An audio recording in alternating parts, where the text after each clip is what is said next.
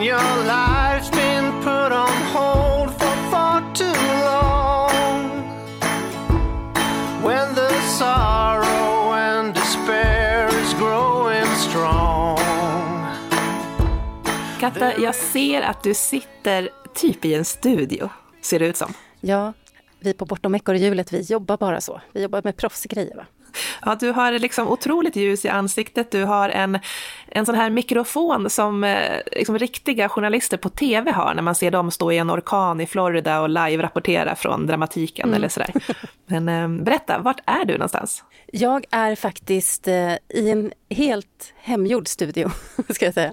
Jag är på ett hotell i Östersund den här veckan och sitter på mitt hotellrum med tjocka så gardiner bakom, så det ser väldigt studiolikt ut, för du ser bara en svart bakgrund i princip, i tyg.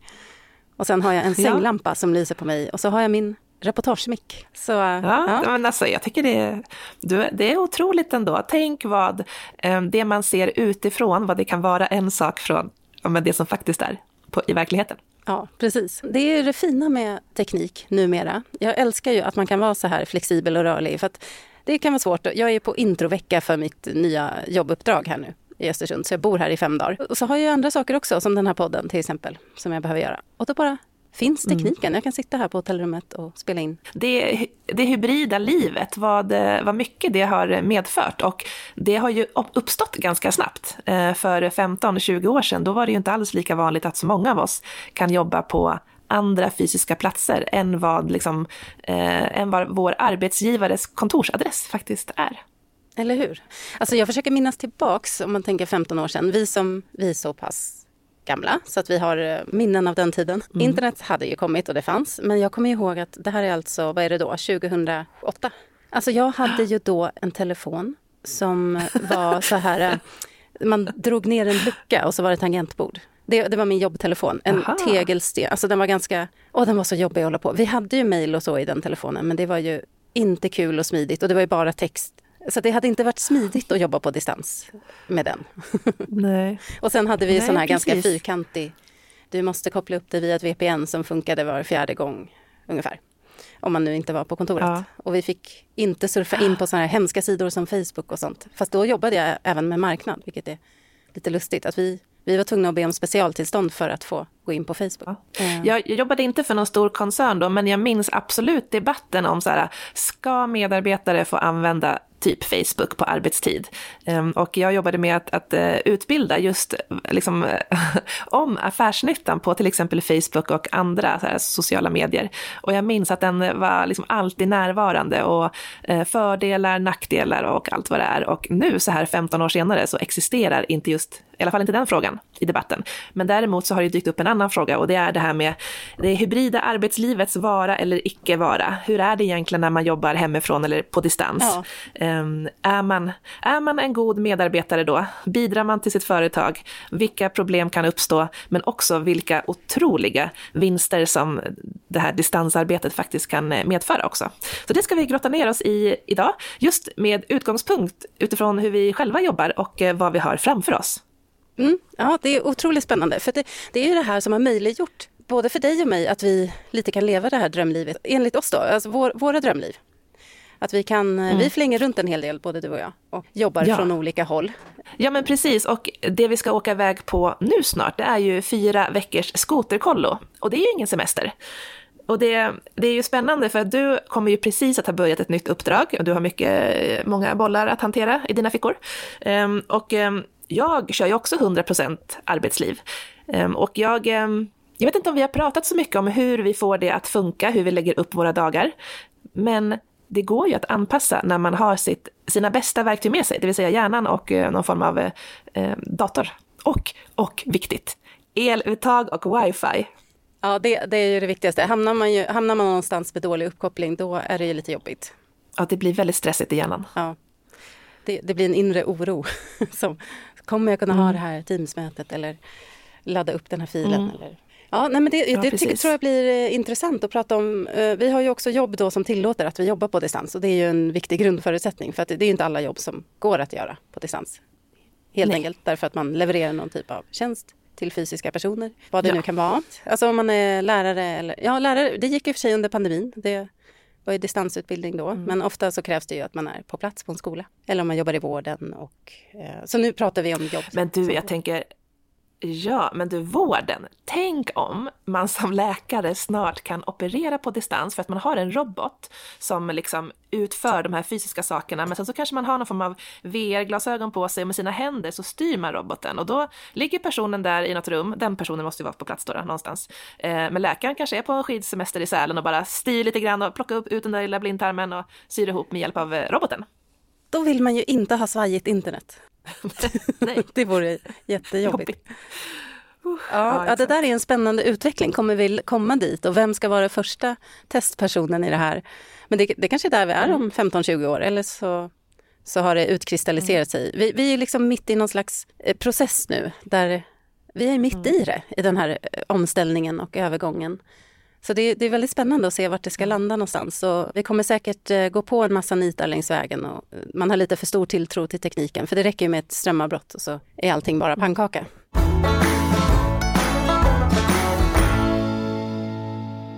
Du jobbar ju på en uttalat hybrid arbetsplats.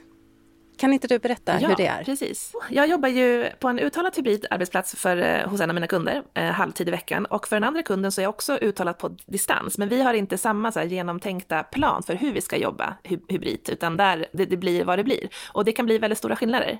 Vi hade eh, konferens på min hybrida arbetsplats eh, förra veckan och pratade mycket om förväntningar. För grejen är så här, i det hybrida livet så handlar allting om kommunikation och det utkristalliserar sig ännu mer för att det är förväntningarna man oftast misslyckas med, som där det så uppstår besvikelser eller man blir lite irriterad på någon eller sådär. Det vi har gjort, det är att eh, vi som är ganska nära där kontoret faktiskt finns, vi syns där en dag i veckan.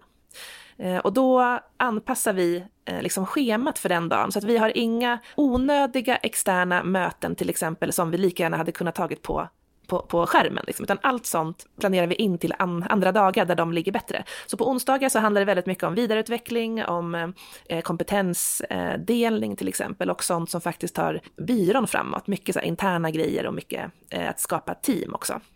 Så vi har kontorsfrukost eh, tillsammans och då har vi ju några medarbetare som sitter till exempel eh, ja, 60 mil bort och de är ju alltid med via skärm. Men vi har den här frukosten eh, då vi delar kompetens eh, uttalat så att någon kanske håller en dragning om ett kundcase eller vi pratar igenom någon rapport som har kommit inom branschen till exempel. Och sen så har vi också träning den dagen. Det brukar vi avsluta våra onsdagar med. Och då så har vi den här personen med som bor jättelångt bort och hon är med via skärm, så hon är också med på träningen. Så det gäller liksom att inte så här, tänka att den personen, hon bor ju inte här så nej, men hon får träna själv. Nej, nej, nej, så här, inkludera alltid alla. Ett annat superviktigt sätt, det är verkligen att förhålla sig till och tänka så här att ja, men, om personer inte är på kontoret så är det inte lika mycket värt. Utan alla möten som vi har, för att det brukar oftast vara en mix av att två personer kanske är på samma ställe och sen så är fyra på andra ställen. Att alltid tänka så här, remote first. Så vi, vi har ju inte en vanlig traditionell whiteboard som vi använder, utan vi använder digitala verktyg digitala whiteboardverktyg som alla sitter med så att alla är med alltid på samma villkor. Så det finns så otroligt mycket i tekniken idag där, där det faktiskt blir bättre i digitala. För att om vi hade haft en så riktig fysisk whiteboard med massa fysiska post-it-lappar, ja men då ska man sätta upp det, man ska rita av det på något sätt. Mm, klassiska fota För att liksom spara ner det i ett dokument. Ja, nej men alltså det tar ju ganska mycket tid. Om man då utgår från digitalt verktyg först, där alla kan vara med och medverka samtidigt, ja men då blir det ju mycket bättre. Intressant det här, för du, du jobbar ju på två arbetsplatser då, där du är hybrid eller på distans. Och den ena mm. har en väldigt uttalad Eh, eller så här, de utgår från det, men på det andra så kanske det är mer, det bara är så. Vad, vad ser du för stora skillnader i, i just det här eh, synsättet på distans? Men jag jobbar väldigt nära ett ehm, um, IT-konsultföretag som just jobbar med att uh, få in verksamheter och framförallt medarbetare i sådana här digitala synsätt. Eller så här, det jag ser mellan två arbetsplatser där, där man på ett ställe jobbar medvetet och på ett ställe så bara händer saker, så här lite ospontant, eller förlåt, lite spontant menar jag det är att när man har en plan, då uppstår effektivitet, då uppstår kommunikation, då uppstår proaktivitet. Alltså man, man bäddar för sin framgång för att man, man ser sin roadmap framåt. Det är lite grann som att bygga ett hus och inte ha en plan. Man bara, just ja, vi ska nog ha en grund här och sen oj då, nej men nu börjar det snöa här mitt i betongen. Nej men det blev inte så bra. Det här får vi göra om. Alltså det blir dyrt, det blir kostsamt i tid och i pengar. Medan när man har en plan, när man liksom tänker proaktivt så här, okej okay, det ska komma snö nu, nej men det är inte läge för betonggjutning. Då, ja men allting blir ju tydligare och man skapar också medarbetare som inte hamnar i frustration och som blir så här less och omotiverade, utan man skapar liksom engagemang. Och det som allting så här sätts på sin spets, det är ju ledarskapet. För det är där det börjar, att här, sätta spelreglerna. Verkligen. Vilka verktyg ska vi använda? Vad har vi för förväntningar på oss själva? Vad ska vi prata om var? Och att eh, också möjliggöra för det här som många eh, upplever att de saknar. Du vet det här eh, informella kaffesnacket. Precis, för det är en helhetssyn ja. på det som behöver, det inte, handlar inte bara om jobb när det är på distans, utan man behöver få in de här andra delarna också, det sociala, umgänget och mm. det informella snacket som du säger. Och jag tror att det är det som många tappar. Ja. Att se personerna och medarbetarna på det mer mänskliga planet. Att, att fånga in dem också som sitter på distans. Och det kräver ju lite det är lite jobbigt i en omställning mm. innan det har satt sig. Att som ledare då komma ihåg att också tänka på de bitarna och hela tiden, ja det är så lätt, vi sitter i ett rum här och någon är med, det kanske är lite dålig utrustning ja. och det kräver ja. lite av en ledare och en organisation. Ja, precis, men, men jag tycker att, att du sa det bra där Katta, för det, det är lite jobbigt i omställningen. Sen är det inte det längre. Sen flyter det på precis som det gör på andra sätt när man jobbar liksom på ett kontor och det är bra. Ja, det är väldigt spännande och just att du, du är lite inne i, i olika världar samtidigt och kan verkligen se skillnaderna och dra mm. paralleller där. Och jag kommer ju nu, eh, den här veckan är jag på plats för det kände jag själv att som ny komma in och helt vara på distans, det är ju kanske en stor utmaning. Särskilt i en organisation där jag tror att de jobbar ganska mycket med hybrid och att, att det liksom funkar. Men det är det här med att träffa personer. Hej, jag är ny. Få ett ansikte på någon och, och lite det där informella. För det är svårare att ringa upp någon informellt och chitchatta när man är helt ny och inte känner någon sådär. Ja. Så då kände jag att jag vill gärna vara på plats den här första veckan och nu, så nu kör jag fem intensiva dagar här där jag sitter och pratar med olika människor. Dels för att få en bild av det jag ska göra, nuläget, men också för att få säga hej. Ja, precis. och det, det jag tror du är, är inne på här, det är liksom att här, när man startar, att starta på samma spelplan som kunden då. Och din, din kund är ju ändå mer så här, kontorskund inte fullt ut eftersom de, de ändå liksom är utspridda, men det så finns en, en kärna av så office life. Ja. Um, för det finns ju också många byråer, i alla fall i min värld, som också så här, vet, alltid jobbar på, ja men i olika städer till exempel. Och vi har ju en gemensam vän som vi intervjuade i den här podden som jobbar på ett reseföretag där, där de inte har ett så fysiskt kontor. Så det är ju utifrån den här utgångs kulturen. Så är, är det väldigt så remote eller är det inte det? Så vart på skalan finns man och att på något sätt kanske börja där för att sen börja utmana.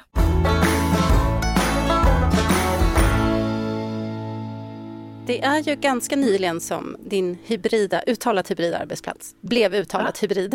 eller vad man ska säga. Hur skulle du säga, att den, hur lång tid tog det att vänja sig, både som medarbetare men också att få in det här tänket? Det är så svårt att säga här, eftersom den här startades under pandemin så var ju, alltså den startades vid ett tillfälle där ingen var på Office, liksom, utan det var alltid jobba hemma. Och jag tror att det har ju medfört så, så goda exempel på hur det faktiskt kan funka. Eh, och jag jobbar ju också med Microsoft som en direkt kund men också som en indirekt kund. Och där förespråkar man ju verkligen hybrida arbetsplatser, man ger eh, liksom massa verktyg för hur det ska funka, man pratar om det utifrån IT men också utifrån människan. Så att eh, det är ju verkligen att öva sig på ett nytt beteende. Det är inte så, svårt, man ska bara ha nycklarna och verktygen och att det sitter väldigt, väldigt mycket i ledarskapen, för det är ju det är där som kulturen formas. Och det kan ju bli så att om man har en formell ledare som inte är så liksom stark på det digitala och, och man har väldigt många så digitala möten, då skapas det oftast informella ledare istället och då kan det bli lite svajigt. Det är inte alltid så bra. Det krävs ledarskap. Det, mm, det gör det verkligen. Det. det finns ju olika ledarstilar. Jag tror att det här gynnar en eh, strukturerad och planerad ledare som har en, en, tydlig plan för arbetet, kan följa upp, man har mätpunkter. Det går att behålla kontrollen på ett bra sätt på distans. Men om man är en ledare som är mer spontan, som sitter och skjuter ut idéer i, på kontoret, tar samtal när någon person är bredvid en. Alltså det är inte så planerat och strukturerat utan det är mer spontana samtal. Mm. Och man kanske inte har någon strukturerad uppföljning eller fasta möten eller den typen. Och jag har varit med om sådana ledare. Då blir det en väldig utmaning att jobba på distans. Det har, det har hänt för min del att det har gått två veckor utan att jag knappt har hört av den här ledaren. Och den har ingen aning om vad jag gör, jag har ingen aning om vad den gör. Det rullar på, Ja. det, det hänger väldigt mycket på den enskilda medarbetarens ansvar. Mm. Då blir det inte en bra situation. Då blir, då blir man lite den här satelliten som sitter för sig själv någonstans och som man känner nästan minst om att jag finns.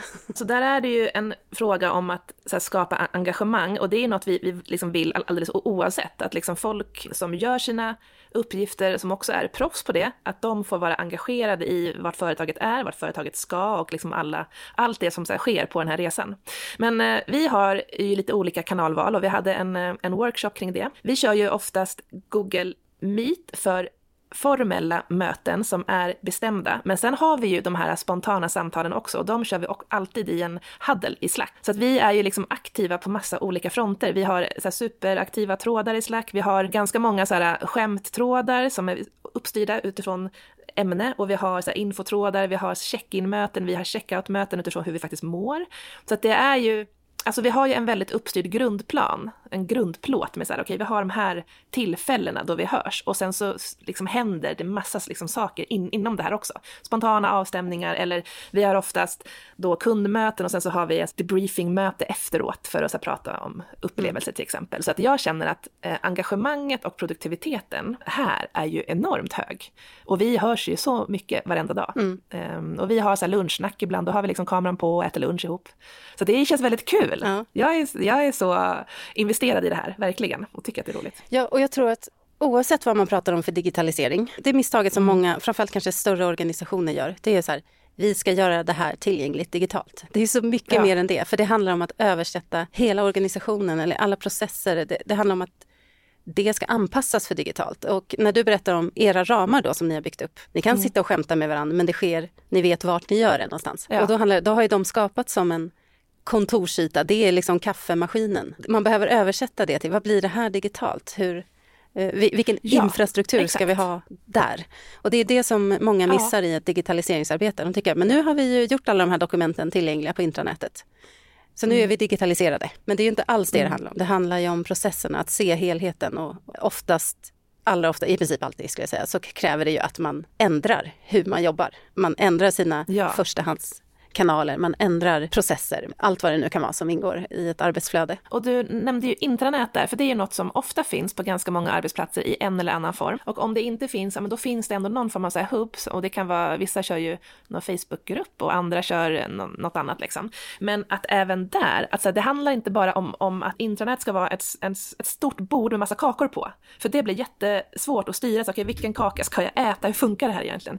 Utan att verkligen styra upp intranätet utifrån beteende. För det här finns det jättemycket forskning på. Så hur tittar folk på ett intranät? Vad är det som är värt att faktiskt engagera folk i engagemanget? Det är rätt konstigt, men att här, få upp engagemang, att så här, man vill investera tid, för det är då de här magiska sakerna uppstår. Och oavsett om det är en post om så här, gemensam fotbollsträning eller något, något eh, som delas som kunskap, att det blir värt, men då måste man också utforma det så. Det är inte bara att. Och där är vi ju verkligen i en krock mellan det gamla sättet att jobba, för det är många aktiva i arbetslivet och särskilt på ledarpositioner som är uppvuxna med det. Och där är mer kontroll och det är mer eh, Facetime. Och sen så har vi då eh, early adopters eller en yngre arbetstagarkår som är uppvuxna på ett helt annat sätt. Och det blir krockar. Så det är en väldigt intressant Verkligen. period vi är i och du och jag är ju vi är ju verkligen uppvuxna på ett annat sätt men är ganska nyfikna och eh, villiga att jobba på det här sättet.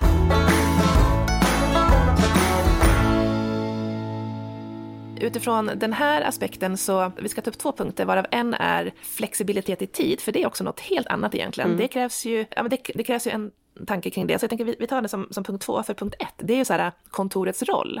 För att det är ju många som är eniga om att så här, ett kontor behövs, men det kanske ska ha en annan roll. Det måste ju finnas ett annat värde att komma dit än att det ska vara ett stort, stort grått rum med massa massa skrivbord. Jag tänker så här am- amerikansk mm. kontorsyta. En dålig kaffemaskin. Så olika, ja, vad heter sådana här cubicles? Vad heter Ja, det på svenska? ja, bås. Med bås Mm. liksom. Och sen så är alla där som myror, att så här, kontoret måste attrahera på ett annat sätt. Och vad kan det vara? Just för att samspelet mellan människor är ju viktigt. Men Mm. man måste locka folk till kontoret. Och det äntligen, säger jag. Verkligen. För att vi har ju länge suttit, sedan 2010 så har jag uppskattat kaféjobbet och då har man ju sökt upp mysiga ställen, man har sökt upp eh, hotellobbys, eh, härliga ställen där det är fin miljö som man trivs i. Det kanske inte alltid är den mest ergonomiska miljön, men, men man får någon slags boost av att vara där. Det är härligt att se folkmiller och man kanske sitter med en kompis, tittar på folk och jobbar. Och den miljön tror jag att man behöver skapa på de här mötesplatserna som blir kontoren då. Här möts vi, här kan vi sitta, vi kan välja att sitta i en mysig loungedel eller så sitter vi i ett tyst rum för vi har lite möten och vi behöver fokusera. Att det, det behöver finnas flera ytor för olika behov. Och framförallt de här kanske mysiga mötesplatserna som lockar en dit. Att här vet jag, här är det bra häng. Nu vill jag, jag har det sociala behovet, jag vill träffa mina kollegor. Men då vill jag inte springa runt mellan en massa olika småkontor eller stå vid en tråkig kaffemaskin och träffa dem, utan ha en soffgrupp, ha lite mysiga med blommor och, eller vad det nu kan vara. Det blir en del av det som lockar en till kontoret. Verkligen, precis allt det där. Och det finns också en eh, ytterligare trend som, som har med det här att göra, för att eh, så som det är idag är ju att ja, men det finns ett stort så här, huvudkontor som ligger på ett ställe. Ibland kan det ligga mitt i stan om man liksom tycker att det är värt från ledningen. Eller så kan det ligga långt ut i ett industriområde till exempel, om, om, om, det är prioriterat. Men alldeles oavsett så har man ju ett gäng medarbetare som kanske bor ganska långt därifrån. Det kanske tar en och en halv timme att faktiskt åka dit om man åker kommunalt eller med, med eget färdmedel. Och att det här också blir ett hinder för medarbetare att, att vilja komma till kontoret. Så att en trend är att ha olika noder som är utspridda där folk bor. Lite grann som det här coworking space som finns idag, mm. men där det också där läggs mer fokus på så här, känslan i kontoret som, som då ska styra vad man, man liksom gör där på, på det företaget. Där tror jag också man kan få många vinster som arbetsgivare. Jag tänker på den som finns i Åre. Ja, Houseby. Ja, där får du fördelen att du samtidigt nätverkar med andra företag och bygger ett jättebra mm. nätverk, inte bara inom en bransch utan även med andra branscher, som också kan ge väldigt stor nytta. Eller man kanske utbyter lärdomar, man utbyter utmaningar till viss gräns det är ju verkligen något som gagnar tror jag, mm. företagen. Att deras medarbetare har, får impulser från alla möjliga håll och nätverk. Och eh, jag tror att det finns så många liksom, exempel på hur det skulle kunna vara. För jag tänker att ja, i Stockholm, när så här, man, man oftast inte har råd att bo mitt i smeten, eller man, kanske, man, man, man bor ganska långt bort från, från kontoret av många olika anledningar. Att eh, ta vara på den här tiden som man kan spara för att göra mer värdefull tid av den för sina medarbetare och så få massa andra bonusar på köpet. Vilken grej! Mm. Jag tror det är så, så smart att göra så. Kom ihåg ni hörde först.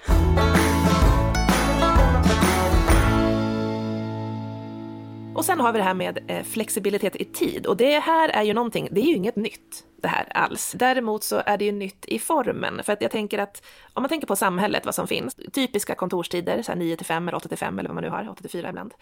Och sen har vi bankerna, de har liksom också sina egna tider. Sen har vi café, de har sina tider. Restaurang, ja, helt andra tider. Så att, eh, att, att vi jobbar olika tider, det är ju sen gammalt. Men däremot nu när vi av olika anledningar faktiskt kan göra det vi gör på olika tider även i samma företag. Då måste vi ju verkligen kommunicera förväntan hur förväntas man svara på saker och hur gör vi med tillgänglighet? Där vill jag ta ett exempel från eh, den här byrån då, min hybrida byrå. Eh, för vi ritade upp den perfekta veckan. Dels utifrån interna möten, så hur, hur ser det ut utifrån den perfekta veckan? Men vi har ju väldigt många kundpresentationer och kundmöten. Vi ska presentera smarta saker i leveranser. Och sen har vi produktionstid när vi tänker smart. Vissa av oss får jättemycket energi av kundmötena och vissa av oss tycker att det är ganska jobbigt med kundmöten utifrån det att man ger massa energi så man är ganska trött efteråt. Utifrån det så har vi också olika önskemål på när vi gör vad. Så nu har vi gjort en mall för den perfekta arbetsveckan. Spännande specifika block där vi har kundmöten och leveranser. Ja, så spännande. Och sen så pratade vi också om det här med eh, hälsa. Det här är ju den själva anledningen till varför jag flyttade från Stockholm och övergav mitt office life. Det var ju för att eh, jag eh, stod i någon busskö på morgonen, det var mörkt harvade på med bussen, kom fram till jobbet, började ljusna precis då, men då gick jag in på kontoret. Eh, kanske fick några minuters lunch i solskenet eller vad det nu var för väder. Och sen när jag skulle åka hem då var det mörkt igen. Och så tänkte jag så här, men så här, så här kan vi inte ha det. Eller så här kan inte jag ha det. Så då valde jag att eh, flytta till fjällen just för att här är det närmre till det här ljuset alltså, och till rörelsen. Det var det, så två ingredienser jag ville ha. Och här ger jag mig själv bättre förutsättningar att kunna styra det själv. Och det här gäller ju folk även om man bor i Malmö eller man bor i Åkersberga eller Örebro. Att ljuset är ju när ljuset finns. Alltså det flyttar inte på sig.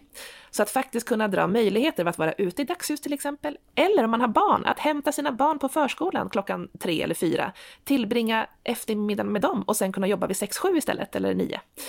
Så att det finns många skäl till att designa sin dag lite mer eh, effektiv för lyckan och för faktiskt engagemanget i jobbet. Hur ser du på det Katta? Ja, jag inser ju här att vi, vi pratar utifrån jobb där det går att göra det ganska mycket. Bara med det sagt så tycker jag... Men, men alltså ja, på ett sätt, fast jag tror att den här känns lättare än att jobba på distans.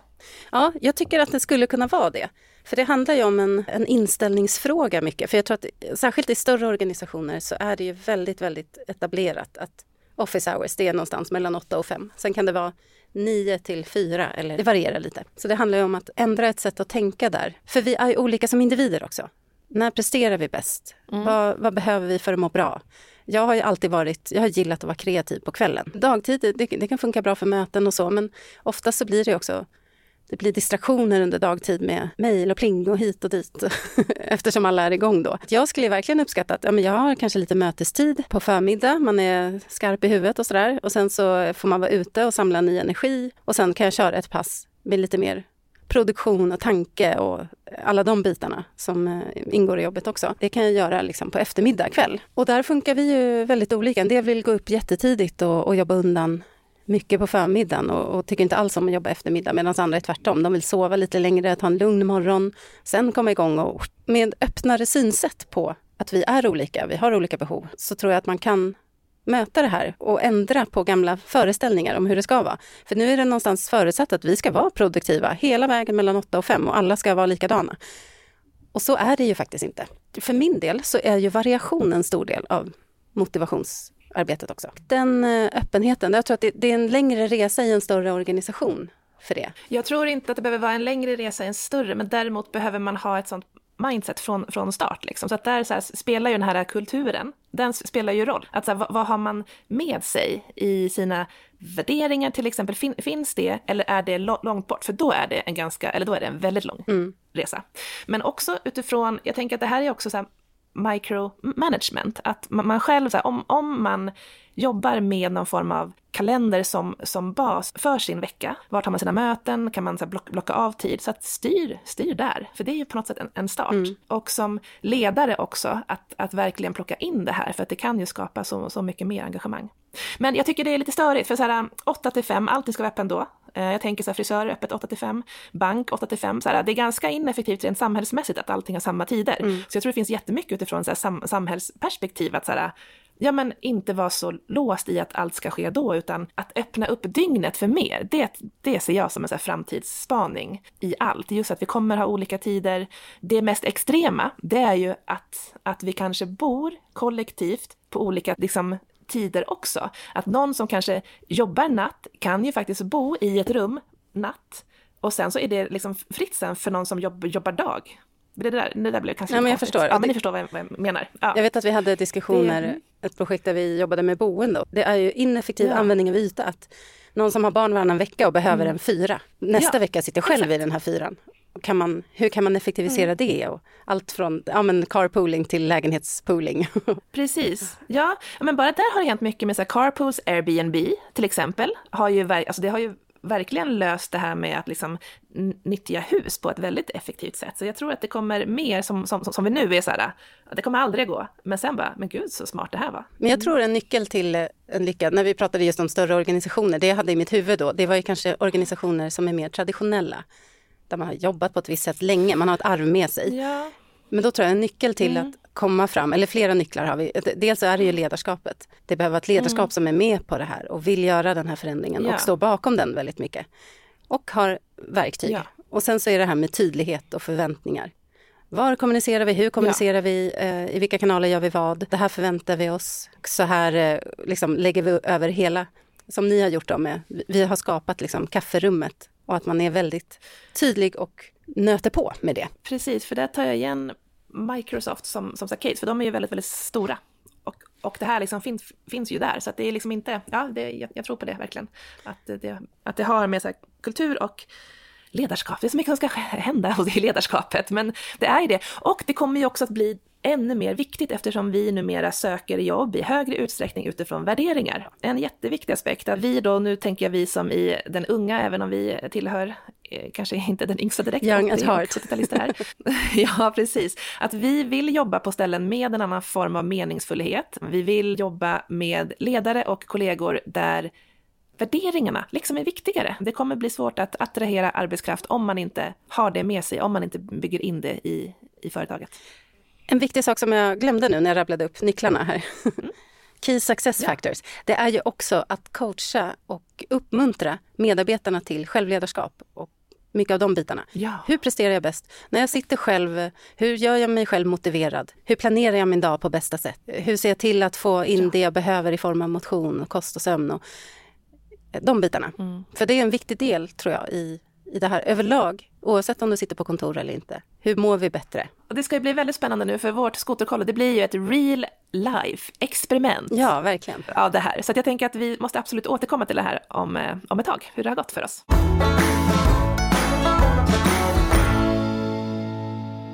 Men vi kan ju dra lite plan. Nu blir det ju så här nämligen då att nästa vecka så åker vi iväg. Eller ja, när ni hör det här så är det den här veckan. Då åker vi iväg på, ja det är fyra och en halv vecka Sara, av eh, drömliv i fjällen. Vem ska vattna mina blommor? Det här måste jag lösa. Ja, precis. Ja, men du har ju fått en frivillig för det. Jag har istället eh, skickat mina blommor till vattnaren. Vi ska alltså då kombinera arbete och ganska mycket då. Jag har ju, är som sagt precis ny på jobbet. Uppskattar verkligen att det fungerar att jag åker iväg fyra veckor efter att precis ha börjat. Så det tyder på en modern arbetsplats skulle jag säga. Och vi, kommer, vi brukar typiskt sett lägga upp det så att vi tar jobb på förmiddagar, kanske fram till 11 någonting. Vi försöker lägga eventuella möten, förmiddag eller eftermiddag. Och sen så är vi ute några timmar. Om vi kör skoter eller åker skidor, det eh, varierar. Vi är ute och samlar energi. Och sen sitter vi ganska mycket på eftermiddag kväll och jobbar. Och sen så har vi en härlig middag och eh, kanske bastar och har det gött helt enkelt. Det är ungefär planen, grundplanen. Och sen så brukar det vara så att vi vissa dagar har vi vilodagar för att det är ganska fysiskt, både köra skoter i lössnö och åka skidor. Så att då har vi vilodagar där vi jobbar hela dagar. Då kan man också försöka få möten mer koncentrerat till de dagarna. Så det är väl planen nu när vi åker iväg. Det ska bli så kul. Vi har ju bokat olika boenden just med hänsyn till så här, hur ser boendet ut? Funkar det att jobba här? Trots att vi är i lite olika konstellationer av människor som alla har lite olika förväntningar och där jag tror att det är nästan bara du och jag, kanske några till, som faktiskt jobbar så här medan andra har helt andra upplägg, kanske är lediga, har tagit semester etc. Så att det gäller ju att det ska funka för alla att vara rak och tydlig med sin kommunikation. Vi har övat på det här nu några år. Vi har ju också, både du och jag, jobbat mycket självständigt och på distans sedan 8-10 år tillbaks. Så vi har ju fått in våra rutiner och vi vet ganska bra vad vi behöver och hur vi kan leverera. Precis, och jag tror att den största lärdomen när man pratar om allt det här, för det, ibland kan det låta som att, säga att ja, men Sara ska bara jobba klockan 19 till 23, så här, och det är det enda hon gör, och Lisa vill bara jobba si och så. Det handlar inte om det, utan det handlar om att förstå varandra och sen att kompromissa. Så att i det här så blir det också väldigt mycket kompromiss vad gäller allt. Eh, ibland måste man ta ett möte, ibland kan man flytta om mötet, alltså allting är ju alltså att eh, styra och ställa så att, så att nyttan blir så, så, så bäst det bara går. Nyttan för mig och nyttan för min kund, att det ska bli tillsammans bäst. Ja, precis. Det har ju hänt att vi har åkt hem mitt på dagen och tagit ett möte och sen åkt ut igen. Och ibland blir det så. Ja, nej, men det ska bli kul. Vi får som sagt återkomma. Vi kommer ju vara på den här eh, lilla, lilla kollot i ja, fyra och en halv vecka så att det blir någon podd därifrån också. Ja, men jag är så pepp Katta, roligt. Nu ska jag packa vidare här inför avfärd. Mm. Bra, och jag ska bege mig till eh, mitt nya jobb och heja på folk Ja, kul.